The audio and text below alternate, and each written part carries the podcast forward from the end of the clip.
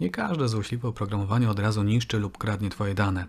Jeżeli popatrzymy na starsze przykłady malware'u, często zobaczymy, że były to zabawne programy pokazujące kunszt twórców. Stanowiły pokaz umiejętności programowania i prezentowały niezwykłe możliwości systemu. Ale to już przeszłość. W dzisiejszych czasach chodzi głównie o zysk, jak zrobić na tych, którzy uruchomili niebezpieczne oprogramowanie. Widok tak jak tutaj może więc przestraszyć, zwłaszcza jeżeli jesteś prezesem dużej firmy. No bo wyobraź sobie, że przychodzi do ciebie księgowa i informuje cię, że wszystkie dane finansowe znikły. Albo mówiąc bardziej szczegółowo, zostały zaszyfrowane. Czyli z jednej strony są, ale tak jakby ich nie było. Te przykłady przebijają się do mediów głównego nurtu. I dobrze, bo potrzebna jest edukacja w tym zakresie. Zwłaszcza, że głównym czynnikiem infekcji jest błąd ludzki. Uruchomienie złośliwego załącznika z poczty, czy otwarcie dokumentu tekstowego i włączenie makra. Ale malware to bardzo szeroka grupa, podzielona na wiele mniejszych kategorii, a każda z nich na swój sposób jest interesująca. Bo malware potrafi zaskoczyć, nawet jeżeli pracuje się z nim od lat. Co chwilę natrawiamy na nowe techniki wykorzystywane przez przestępców, które mają kilka celi. Po pierwsze, ukryć działanie oprogramowania w komputerze, no i po drugie, przetrwać ponowne uruchomienie maszyny. Podczas dzisiejszej prezentacji dowiesz się właśnie o tych mniej znanych technikach wykorzystywanych w złośliwym oprogramowaniu. Zobaczysz, jak myślą przestępcy, czyli jak pozornie błahą i prostą funkcję systemu operacyjnego czy programu komputerowego można zamienić w niebezpieczne narzędzie. Cześć, ja jestem Kacper Szurek i pracuję w firmie Eset, gdzie na co dzień zajmuję się analizą złośliwego oprogramowania. Po godzinach tworzę kanał na YouTubie, gdzie staram się wyjaśniać skomplikowane rzeczy powiązane z bezpieczeństwem w prosty i zrozumiały sposób. Pracujesz zdalnie? Zasłaniasz kamerę? Czujesz się obserwowany? Zapewne nie jeden z nas ma takie myśli, czy aby ktoś nas nie podgląda. No bo co wtedy? Zobaczy, że gotujemy obiad albo sprzątamy mieszkanie, a może zauważy coś jeszcze? Takie wątpliwości mogą pojawiać się w Twojej głowie, ale po chwili oddajesz się prozie życia. No chyba, że na Twoją skrzynkę mailową przyjdzie mail. Nic niezwykłego od kolejna wiadomość od kogoś lub newsletter reklamujący niesamowitą promocję na pralki i lodówki. Otwierasz, czytasz, a Twoja twarz robi się coraz bardziej czerwona. Ktoś uzyskał dostęp do Twojej kamery i nagrał wszystko. Powtarzam wszystko, co robiłeś. Przestraszyłbyś się? Na szczęście to tylko skam, próba oszustwa, bo jeśli przestępca wyśle takiego maila do miliona użytkowników, to zapewne znajdzie się jakiś procent, który nie będzie pewny swoich poczynań i wpłaci odpowiednią kwotę. Nie przekonałem cię? Takie wiadomości można dodatkowo uwiarygodnić. Bo co, jeśli w treści maila znajduje się hasło, i to nie byle jakie, ale takie, którego kiedyś używałeś, bądź dalej używasz. To nie może być przypadek, coś musi być na rzeczy. No ale jak to możliwe? Odpowiedź jest dużo prostsza niż myślisz. Co roku różne bazy padają celem złodziei. Część tak wygradzionych danych trafia następnie do internetu, gdzie można je pobrać, jeżeli tylko wiesz, gdzie można znaleźć takie dane. Potem wystarczy już tylko złamać hasła i wysłać maile. Jeśli korzystasz z prostych haseł złożonych z kilku liter, złamanie ich jest tylko kwestią czasu. No dobrze, te przypadki mogą przestraszyć, ale jeżeli sprawdzałeś kiedykolwiek folder spam swojej skrzynce mailowej, wiesz, że znajdują się tam różne wiadomości. Może tak samo jak ja jesteś spadkobiercą wielkiego króla w Nigerii? Wielki majątek, miliony dolarów czekają na ciebie. Są tuż na wyciągnięcie twojej ręki. Musisz tylko uścić drobną opłatę manipulacyjną. Wiadomo, prawnicy i notariusze swoje kosztują. Jest tylko jedno ale. Te maile brzmią jak pisane przez translator. I pewno tak jest. Jest więc niemożliwe, żeby ktoś nabrał się na coś takiego. Też tak sądziłem, ale jest inna, prawdopodobna opcja, dlaczego są tak źle napisane. Jeżeli ktoś uwierzy w tak słabej jakości wiadomość, to znaczy, że jest bardzo podatny na manipulacje. Wpada więc w sidła złodziei, którzy mogą próbować oszukać go na większe kwoty. Denerwujemy się, że takie wiadomości czasami trafiają do naszej skrzynki. Jak to możliwe, że automaty ich nie wyłapały? Przecież to powinno być oczywiste. No, nie do końca, zwłaszcza jeżeli użyje się kilku sztuczek. Treść maila to zazwyczaj tekst, ale niektóre znaki mogą być pogrubione, pochylone, podzielone na paragrafy.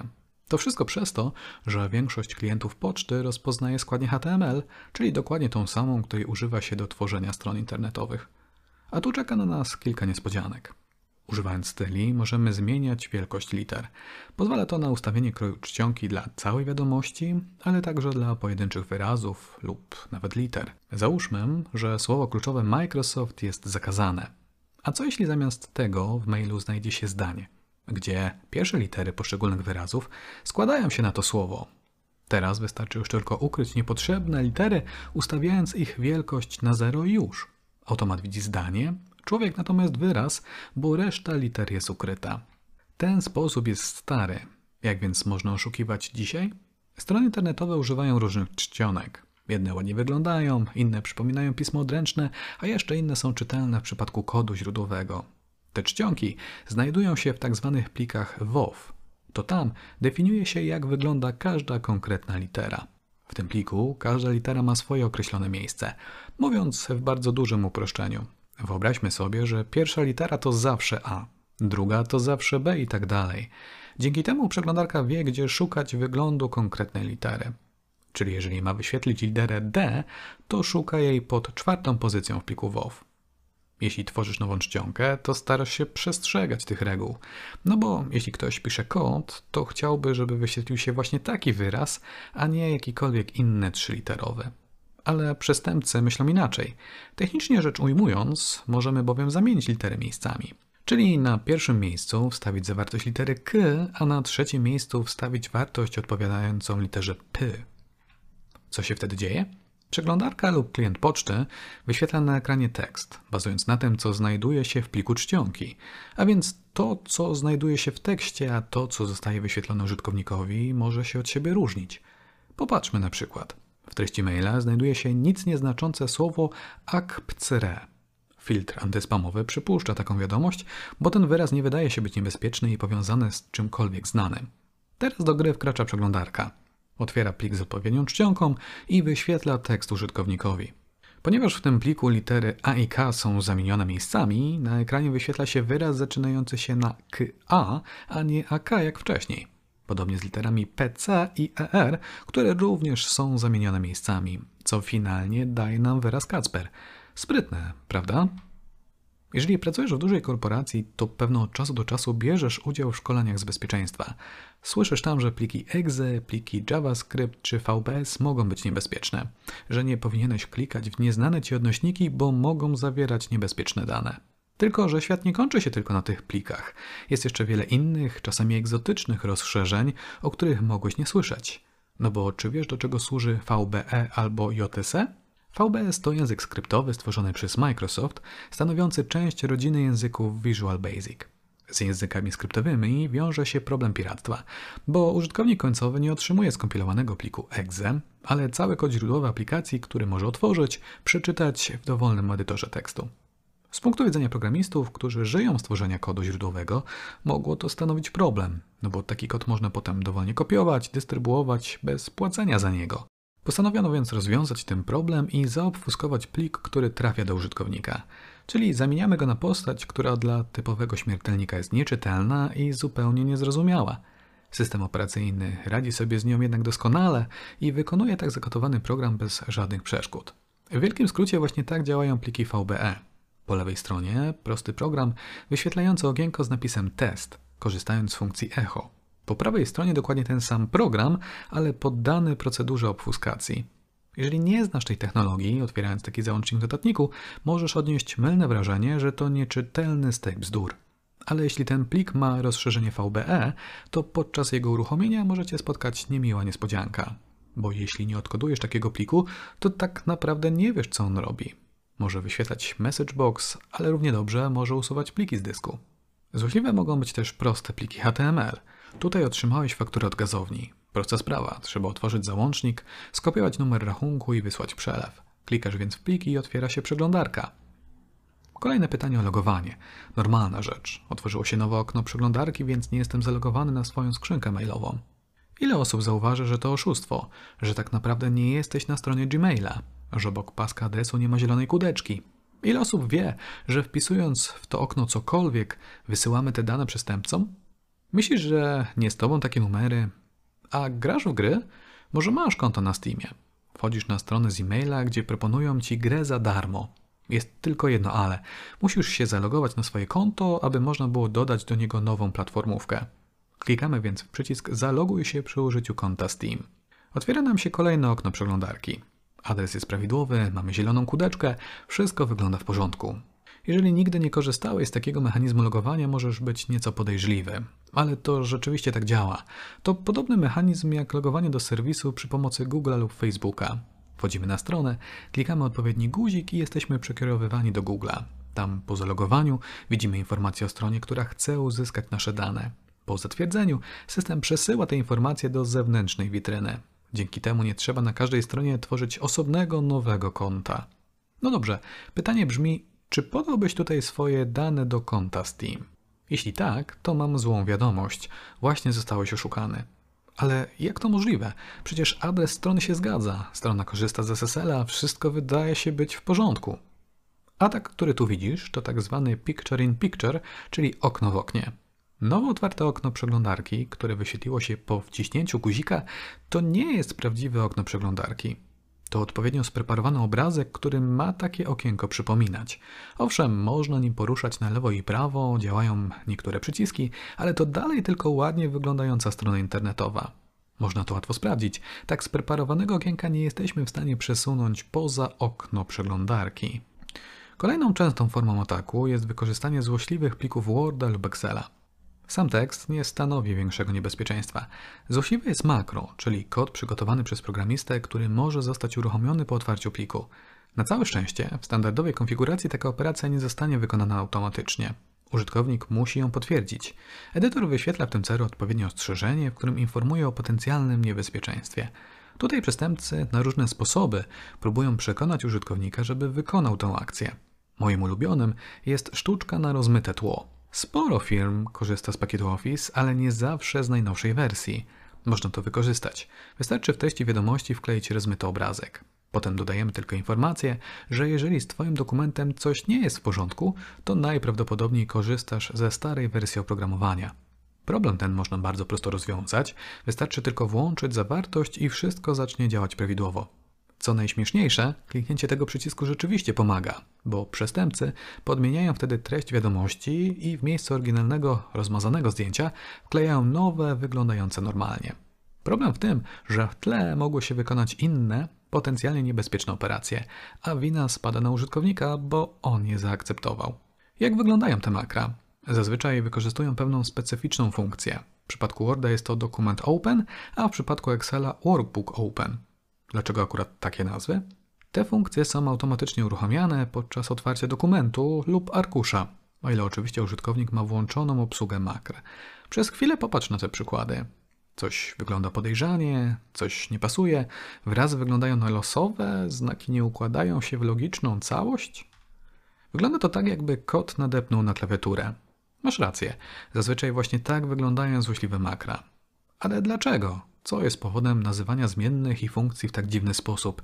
Przecież zwykłe programy tak nie wyglądają. Masz rację, to kolejny przykład ofuscacji. Takie złośliwe pliki generowane są w tysiącach egzemplarzy. Każdy plik wykonuje podobne operacje, ale korzysta z innych nazw zmiennych i inaczej nazwanych funkcji. Chodzi o to, aby każda potencjalna ofiara otrzymała inną kopię tego złośliwego pliku. Ma to utrudnić ich blokadę przez firmy antywirusowe, bo wykrycie jednego konkretnego pliku nie za wiele da, bo zapobiegniemy atakowi tylko u jednej konkretnej osoby. Konieczne są inne, zaawansowane metody detekcji. Gdzie jeszcze można ukryć złośliwy kod? VBA, czyli język skryptowy stworzony przez Microsoft, pozwala nie tylko na wykonywanie kodu, ale także na tworzenie interfejsu graficznego. Programista może tworzyć formularze, ustawiać różne kontrolki i przyciski. Do każdego takiego elementu można się odwołać na podstawie jego nazwy. Dla przykładu można sprawdzić, czy użytkownik wpisał prawidłowe dane.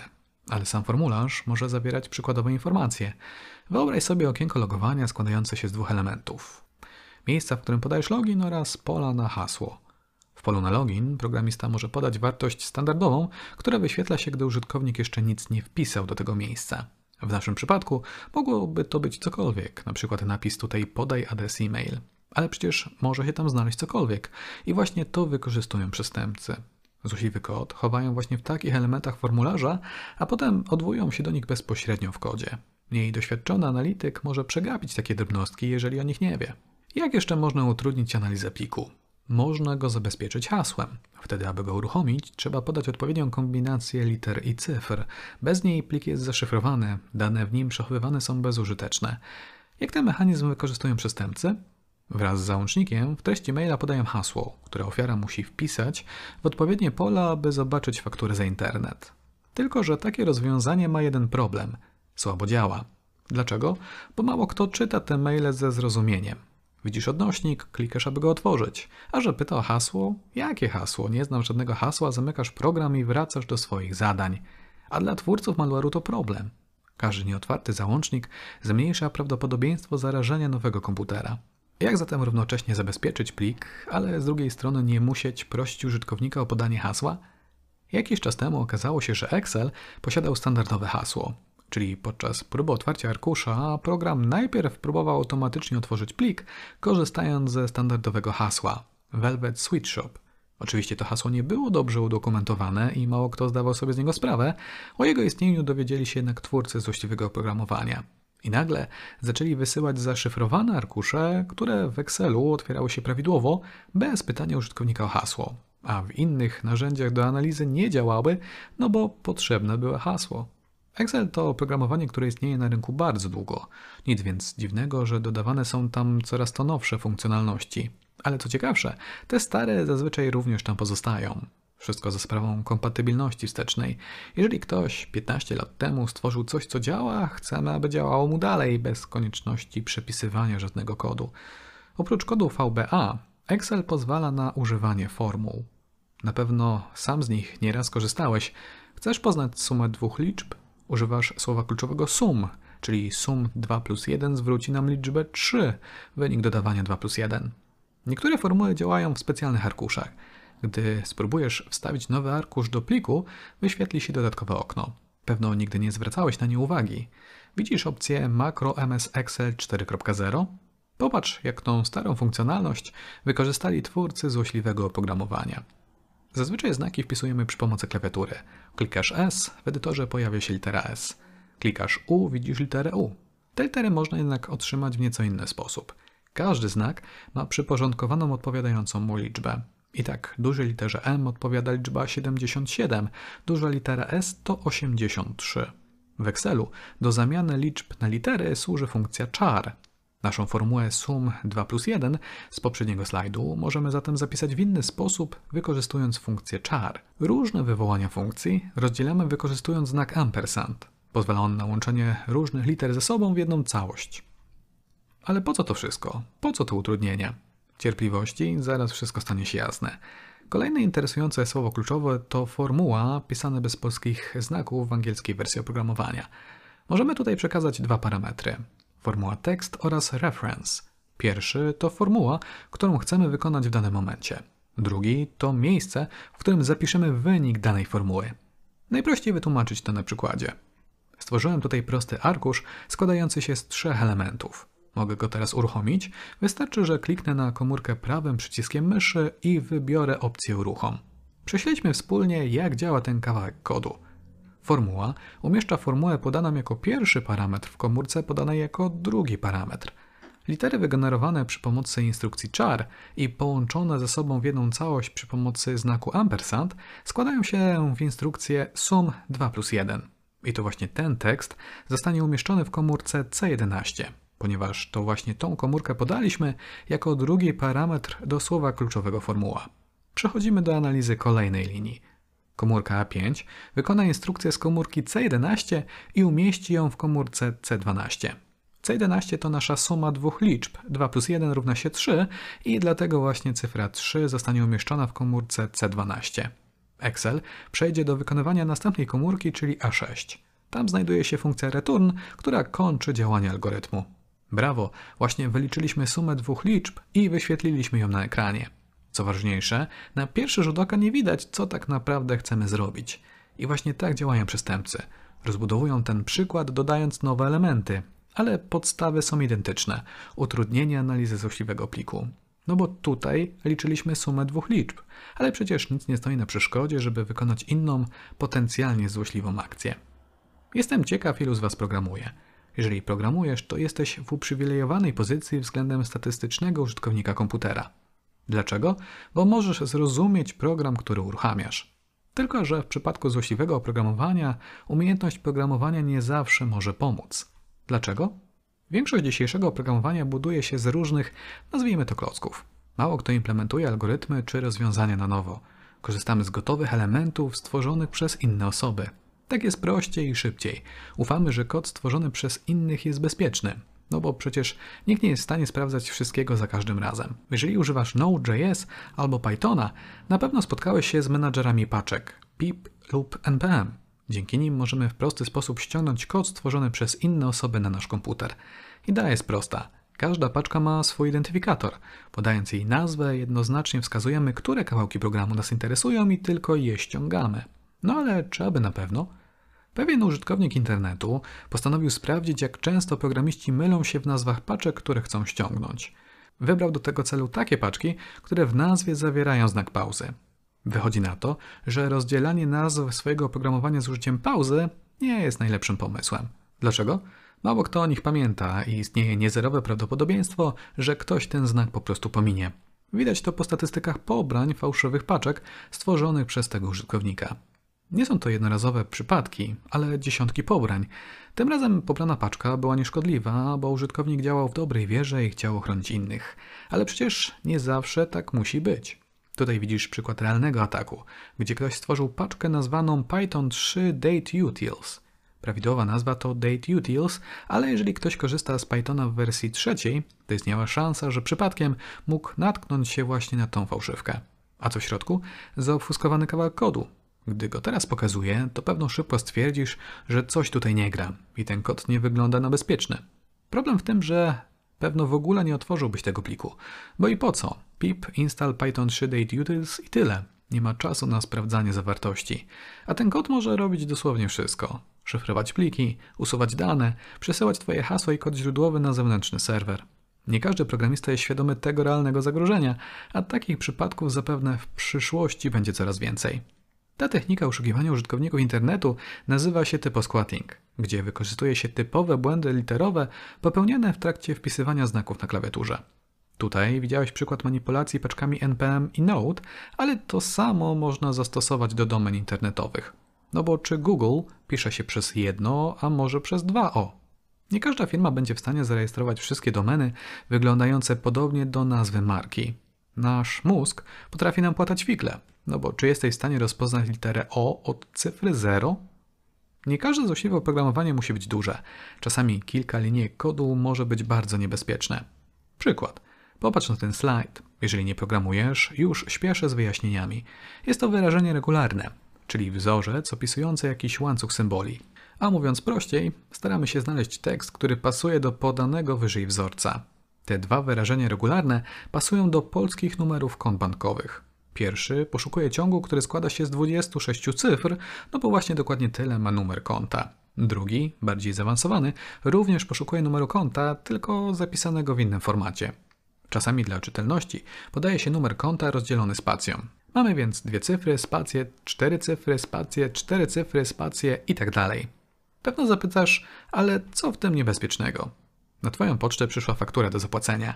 Jeżeli nie masz ustawionego zlecenia stałego w swoim banku, musisz jakoś skopiować numer konta. Mało kto będzie to robił ręcznie. Ryzyko pomyłki jest spore, zwłaszcza, że numery kont nie należą do najkrótszych. W jednej zakładce logujesz się do banku, a w drugiej otwierasz fakturę. Kopiujesz numer konta do schowka, wklejasz do formularza przelewu. Potwierdzasz transakcję i już. Gratuluję, właśnie mogłeś stracić pieniądze. Ale jak to? Pamiętasz ten mail, który dostałeś miesiąc temu? Ten dokument Worda, w którym nic nie było? Myślałeś, że był pusty i już dawno o nim zapomniałeś. Wtedy to na Twoim komputerze zainstalował się Clipbanker, program, który nieustannie monitoruje Twój schowek w poszukiwaniu numeru konta. Jeżeli skopiowałeś numer konta, wtedy to automatycznie dokonywał podmiany. Więc pomimo tego, że rzeczywiście skopiowałeś prawidłowy numer z faktury, do formularza przelewu w systemie online banku wkleiłeś zupełnie inny numer należący do kogoś innego. Prawda, że przerażające? Ale nie zawsze malware jest wysyłany przez e-mail. Czasami możemy pobrać złośliwe oprogramowanie ze strony internetowej, zwłaszcza jeżeli poszukujemy nielegalnych wersji oprogramowania, darmowych filmów czy gier. Jeżeli masz stronę internetową, to wiesz, że potrzebna jest do tego domena i serwer. Dzięki temu nasi użytkownicy mogą wyświetlać nasz sklep i blog. Tak samo jest w przypadku złośliwych plików. Muszą się one gdzieś fizycznie znajdować, na jakimś serwerze, aby można je było ściągnąć. Tylko, że domena i serwer to koszty. Większość złośliwych serwerów jest blokowana bardzo szybko. Potrzebne są więc kolejne domeny i kolejne serwery, a to kolejne koszty. Przedsiębiorczy złodzieje na to znaleźli rozwiązanie. Pokażę Ci najnowszą technikę stosowaną ostatnio. Discord to bezpłatna aplikacja służąca do rozmów głosowych i komunikacji za pomocą wiadomości tekstowych. Popularna głównie wśród młodszych użytkowników, którzy grają w różne gry. Dostępna w formie aplikacji na telefon, ale także programu na system Windows. Użytkownicy mogą tam rozmawiać ze sobą za pomocą ogólnodostępnych kanałów. Można też korzystać z prywatnych wiadomości. Oprócz tekstu i emotek, oprogramowanie pozwala na przesyłanie plików do innych osób. Wystarczy przeciągnąć obrazek, plik do okna i już. Całość zostanie wysłana na serwery i będzie dostępna dla innych.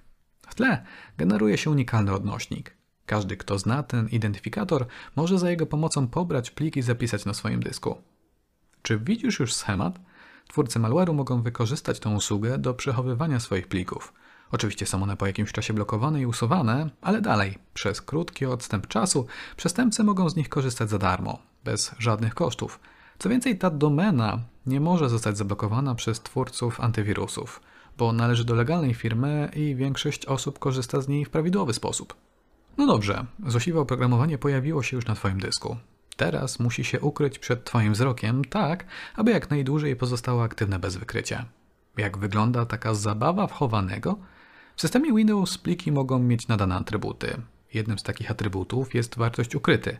Wtedy taki plik nie wyświetla się w niektórych miejscach systemu. W eksploratorze dla przykładu musimy zaznaczyć odpowiednią opcję, aby móc widzieć takie pliki ponownie. No ale nie oszukujmy się, ta metoda to nic skomplikowanego. No dobrze, czy wiesz, że Windows posiada harmonogram zadań? Umożliwia on planowanie automatycznie wykonywanych zadań. Ten mechanizm można dla przykładu wykorzystać do aktualizacji oprogramowania. Korzystasz z Chroma? Podczas instalacji automatycznie definiowane jest nowe zadanie nazwane Google Update Task Machine Core. Jak możemy wyczytać z opisu, zapewnia ono aktualizację Twojego oprogramowania Google. Każde zadanie ma wyzwalacze, gdzie definiuje się, kiedy ma się wykonać akcja. Możesz ustawić, że coś ma automatycznie się uruchomić raz na godzinę lub tylko w niedzielę o 18. Akcje definiowane są w kolejnej zakładce. Tam widnieją ścieżki do programów, które zostają uruchomione. W tym przypadku system uruchomi Google Update, czyli program aktualizacyjny do Chroma. Ale złośliwe oprogramowanie może tu zdefiniować inne akcje, chociażby uruchomienie innego pliku znajdującego się w katalogu malware. A znalezienie tego nie jest takie oczywiste, jak mogłoby się wydawać, no bo czy wiedziałeś o czymś takim jak harmonogram zadań? A jeżeli wiedziałeś, to kiedy wchodziłeś w szczegóły któregokolwiek ze znajdujących się tam zadań? Ale to nie jedyna funkcja systemu, którą można wykorzystać. Masz drukarkę? Wpinasz kabel USB do portu, wybierasz druku i wskazujesz format kartki, jakość wydruku i już. Ale czy zastanawiałeś się, jak to drukowanie działa od strony systemu operacyjnego? System posiada tzw. Tak print spooler, który decyduje, kiedy jest odpowiedni moment na drukowanie. Wtedy wywołuje print procesor, czyli specjalny plik DLL, który zamienia dane na format, który może być przesłany do print monitora. To właśnie print procesor jest odpowiedzialny za wstrzymywanie i anulowanie zadań do druku. Ale gdzie tu jakieś niebezpieczeństwo? Do systemu można dodać nowy print procesor. Zazwyczaj dzieje się to podczas instalowania sterowników do naszej drukarki. Ale komendy te mogą być wykonane w dowolnym momencie. Malware musi tylko wywołać trzy API. Pierwsze SE Load Driver Privilege, aby otrzymać odpowiednie uprawnienie od systemu. Następnie musi pobrać katalog, w którym przechowywane są pliki DLL wykorzystywane podczas drukowania. Dzięki temu wie, gdzie musi się skopiować, aby mógł działać prawidłowo. Za to odpowiedzialne jest API Get Print Processor Directory. Teraz można już zainstalować nowy print procesor przy pomocy add print processor. Po co to skomplikowana procedura? Print spooler jest uruchamiany automatycznie przez system operacyjny podczas każdego startu. Wtedy też jest ładowany plik print procesora. Mówiąc innymi słowy, za każdym razem, gdy uruchamiamy komputer, złośliwy sterownik drukarki jest uruchamiany na nowo, czyli kolejna, bardziej zaawansowana metoda pozostania w systemie użytkownika. Kojarzysz tą animację? To wygaszacz ekranu. Programu komputerowego, którego zadaniem jest zwiększenie czasu bezawaryjnej pracy monitora poprzez wypełnienie go nieustannie losowymi, często zmieniającymi się wzorami lub obrazami. Było to bardzo istotne w przypadku starszej technologii monitorów CRT.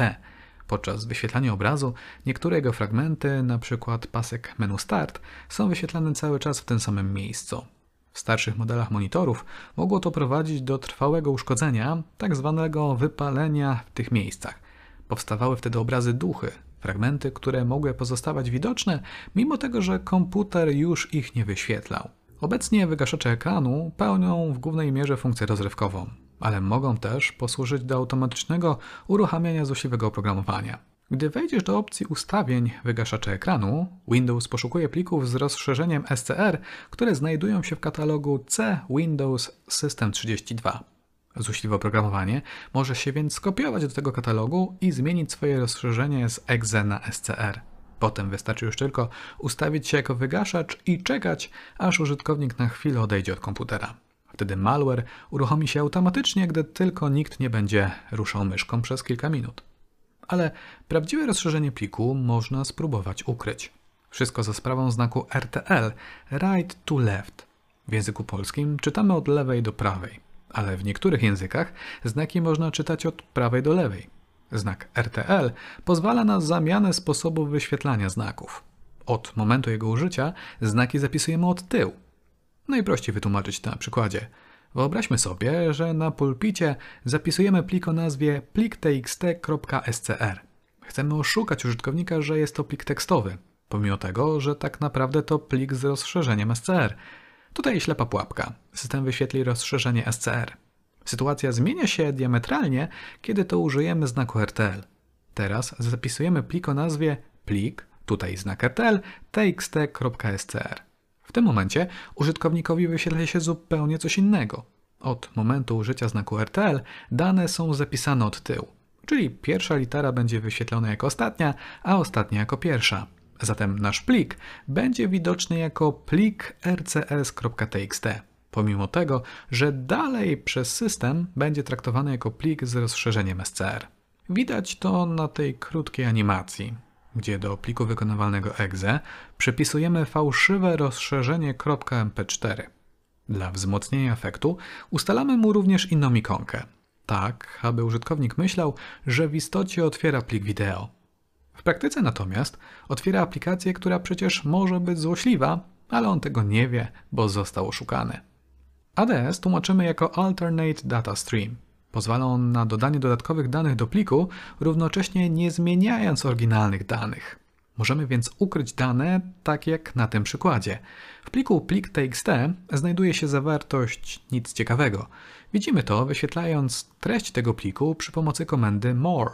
Przy pomocy ADS chowamy tam dodatkowe dane o nazwie ukryte. To właśnie tam zapisujemy wartość tajne dane. Możemy je później odczytać, ponownie korzystając z komendy more.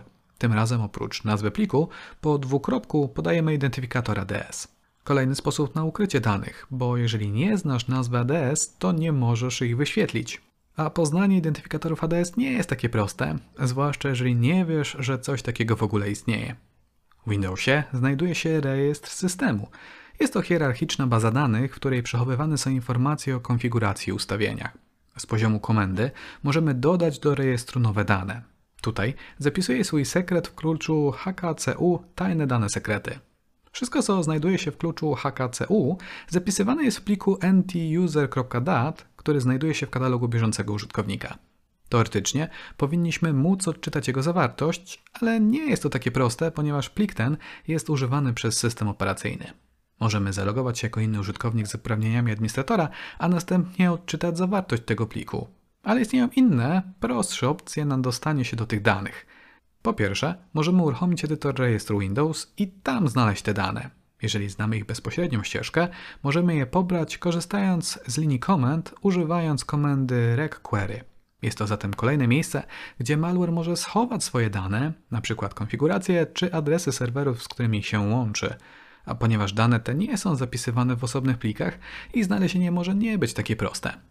Na koniec, czy wiesz, że od dłuższego czasu w systemie Windows 10 można uruchomić Ubuntu i niektóre inne dystrybucje Linuxa? Pozwala na to technologia Windows Subsystem for Linux. Świetna sprawa dla osób, które potrzebują dostępu do tych dwóch systemów jednocześnie. Jest jednak jedno ale. Tu po lewej stronie widzisz Ubuntu uruchomione wprost z systemu Windows. Edytuję tam plik tekstowy korzystając z edytora V. Jeżeli jednak odpalisz menadżer zadań pod Windowsem, możesz czuć się rozczarowany. Oczywiście zobaczysz, że w tle jest uruchomione Ubuntu, ale nic więcej. Z poziomu menadżera nie zobaczysz bowiem, jakie inne procesy działają w tle w tym Linuxie. Jeżeli poszukasz w internecie, dotrzesz do informacji, że to zamierzona zmiana i wszystko działa w porządku. Trzeba mieć to na uwadze, zwłaszcza w kontekście bezpieczeństwa, bo standardowo Linux ma dostęp do plików, które znajdują się w Windowsie. Jeżeli zatem złośliwe oprogramowanie zacznie działać z poziomu wbudowanego Linuxa, zwykłemu użytkownikowi ciężko będzie dotrzeć do tego, co tam się dzieje, bo nie widać nazw procesów i innych szczegółów na temat działania aplikacji. I to tyle z mojej strony. Spodobał Ci się mój styl prowadzenia prezentacji? Zobacz na inne moje materiały. Znajdziesz je na kanale Kacper Szurek na YouTube. Do zobaczenia, trzymajcie się, cześć!